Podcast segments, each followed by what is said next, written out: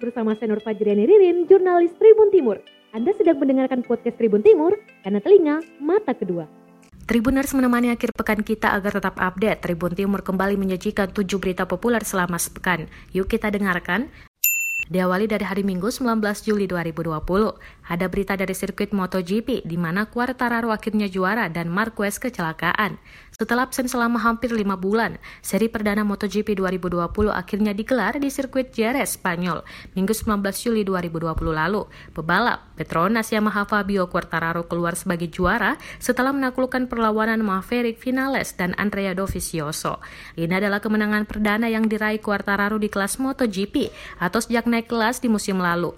Drama dialami Mar Marquez yang sempat memimpin jalannya balapan dan harus terprosok ke gravel hingga melorot ke posisi 16. Perlahan Marquez merangkak maju hingga bisa berada di posisi 3. Sayangnya pebalap Repsol Honda itu harus mengalami kecelakaan di sisa balapan karena mengalami high side hingga terbanting dengan keras dan gagal menyelesaikan balapan. Uniknya ini adalah tikungan yang sama yakni tikungan keempat ketika Marquez melebar ke lap awal. Padahal kalau saja juara dunia MotoGP musim lalu ini tidak keras, ini akan menjadi aksinya yang paling gila dengan melibas banyak pebalap dari posisi 16 hingga ke deretan depan.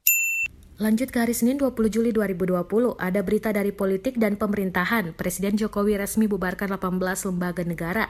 Presiden Jokowi secara resmi membubarkan 18 tim kerja, badan, dan komite yang dibentuk berdasarkan Kepres pada Senin 20 Juli 2020.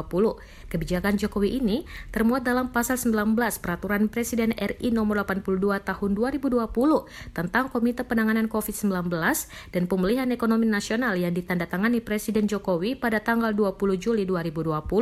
Ke-18 lembaga dibubarkan yakni satu Tim Transparansi Industri Ekstraktif, dua Badan Koordinasi Nasional Penyuluhan Pertanian, Perikanan, dan Kehutanan, tiga Komite Percepatan dan Perluasan Pembangunan Ekonomi Indonesia 2011-2025, empat Badan Pengembangan Kawasan Strategis dan Infrastruktur Selat Sunda, lima Tim Koordinasi Nasional Pengelolaan Ekosistem Mangrove, enam Badan Peningkatan Penyelenggaraan Sistem Penyediaan Air Minum, tujuh Komite Pengarah Peta Jalan Sistem Perdagangan Nasional Berbasis berbasis elektronik tahun 2017-2019, 8 satuan tugas percepatan pelaksanaan berusaha, 9 tim koordinasi pemantauan dan evaluasi atas pemberian jaminan dan subsidi bunga kepada PDAM dalam rangka percepatan penyediaan air minum, 10 tim pinjaman komersial luar negeri yang dibentuk berdasarkan keputusan Presiden nomor 39 garing 1991 tentang koordinasi pengelolaan pinjaman komersial luar negeri, 11 tim nasional untuk perundingan perdagangan multilateral dalam kerangka World Trade Organization, 12 tim restrukturisasi dan rehabilitasi PT PLN Persero,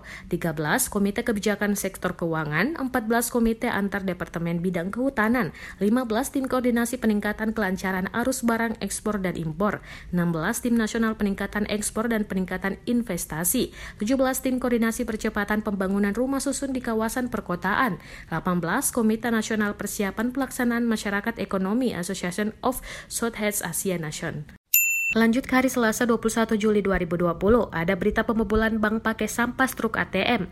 Direktorat Reserse Kriminal Umum Polda Sumatera Selatan menangkap dua pelaku pembobolan di tiga bank daerah. Keduanya adalah Asis Kunadi usia 36 tahun, warga desa Jakapura, Kecamatan Kersana, Kabupaten Brebes, Jawa Tengah, dan Mujianto usia 34 tahun, warga desa Penari, Kabupaten Mukomuko, Bengkulu. Mereka ditangkap pada 18 Juli 2020 di kediamannya masing-masing. Kasubdit 3 Jatanras di Treskrum Polda Polda Sumatera Selatan, Kompol Suryadi mengatakan kasus ini terbongkar setelah petugas mendapatkan laporan dari salah satu korban pada 12 September 2019.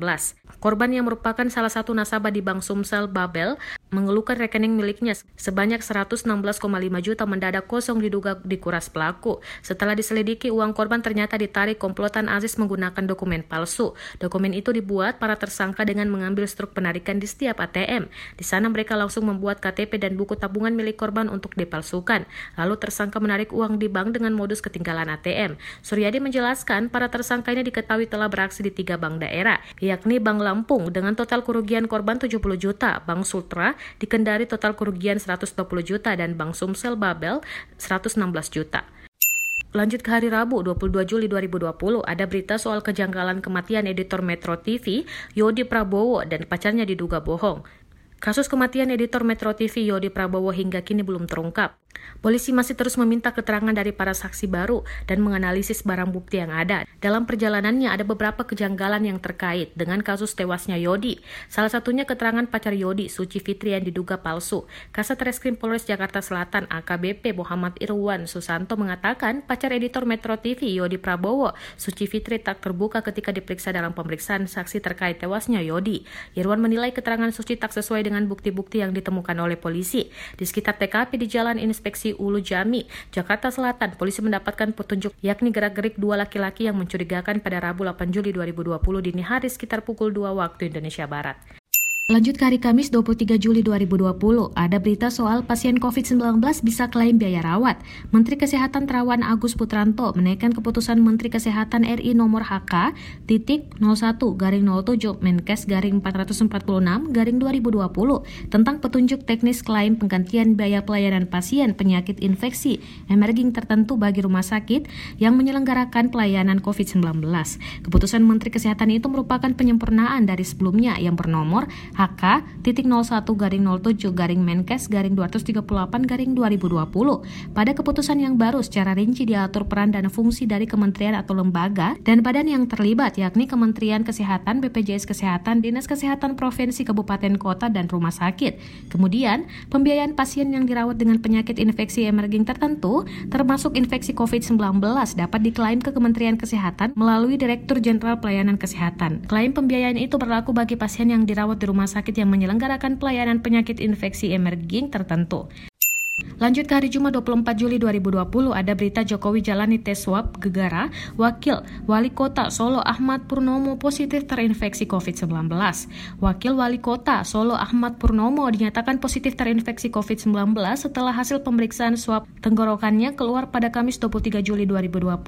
Purnomo memiliki riwayat perjalanan dari Jakarta pada Kamis 16 Juli 2020.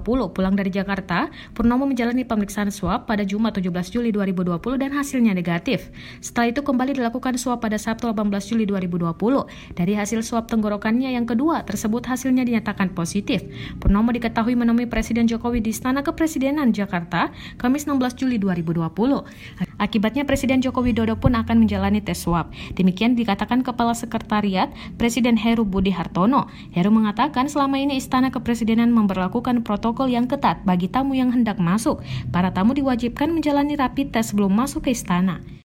Lanjut ke hari Sabtu 25 Juli 2020, ada berita soal musda Partai Golkar Sulsel.